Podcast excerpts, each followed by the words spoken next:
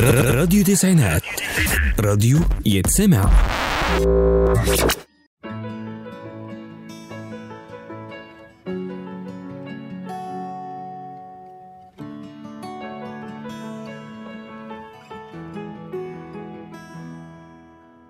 أنا نجوان أم.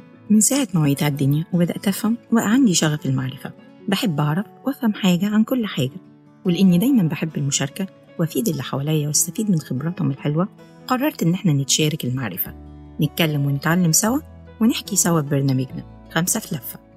برنامج إذاعي ثقافي هادف على راديو تسعينات. حلقتنا النهاردة عن القراءة. وقيل في حب القراءة الكتاب معلم صامت فهو يصنع الرجال. يذهب الحكيم وتبقى كتبه ويذهب العقل ويبقى أثره. قارئ الحرف هو المتعلم وقارئ الكتب هو المثقف الكتب سعادة الحضارة بدونها يصمت التاريخ ويخرس الأدب ويتوقف العلم ويتجمد الفكر والتأمل.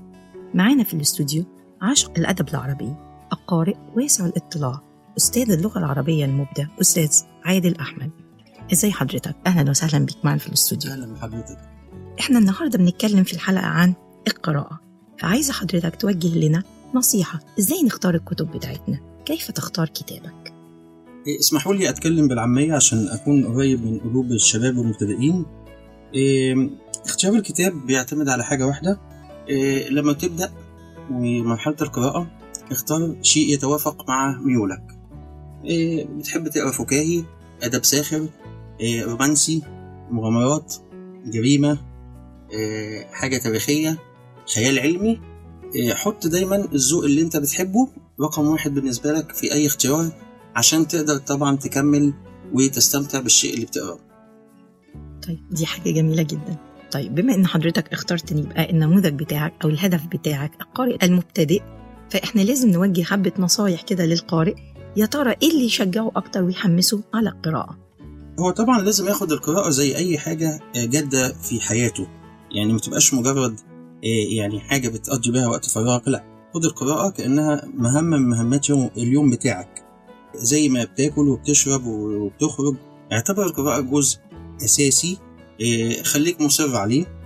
آه، حاول إنك أنت لما تبدأ تجبر نفسك على القراءه ممكن الكلام يكون غريب شوية بس أنا عن نفسي آه، حصل معايا موقف إن أنا رواية بدأت أقراها.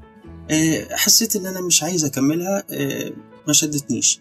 بعد كده لقيت خيالي متعلق بيها تاني رجعت لها بعد حوالي ثلاث شهور وكملت قرايتها وقد إيه حسيت إن أنا لما اجبرت نفسي إن أنا آه، أواصل آه، قد إيه خرجت متعه كانت هتفوتني كتير لو ما اجبرتش نفسي. فلازم أجبر نفسي على القراءه وأحدد في اليوم ميعاد ما أخلفوش خالص يناسبني تماما ويبقى زي عادة يومية بالنسبة لي.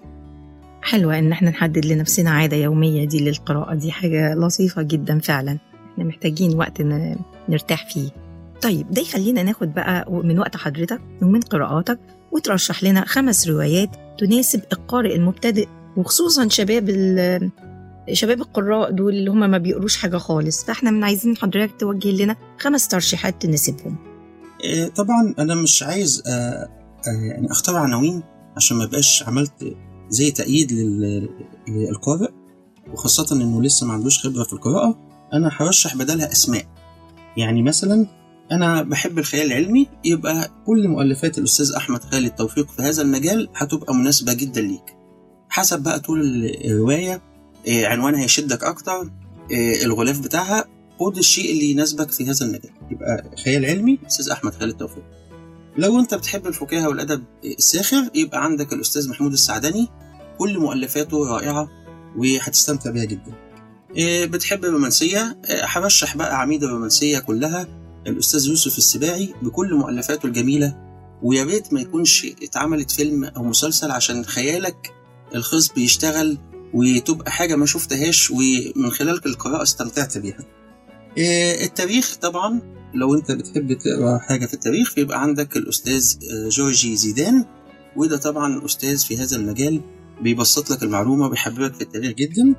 ما ننساش بقى إلى جانب المجال ده التنمية البشرية لأنك لازم تنمي شخصيتك ولازم آه، تعمل نوع من إعداد نفسك وكفاءاتك وقدراتك ومهاراتك. وعندنا طبعا كل مؤلفات دكتور إبراهيم الفقي تصلح تماما لهذا المجال.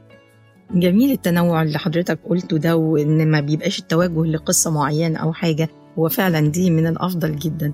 آه، سعداء بحضرتك معانا في الاستوديو كانت آه، خمس دقايق لطيفة جدا موجزة. إيجاز ادينا النصيحة وادينا التوجه وبشكر لحضرتك الحضور. ألف شكر لحضرتك. حضرتك ودايما إن شاء الله بالتوفيق لكل قارئ مبتدئ.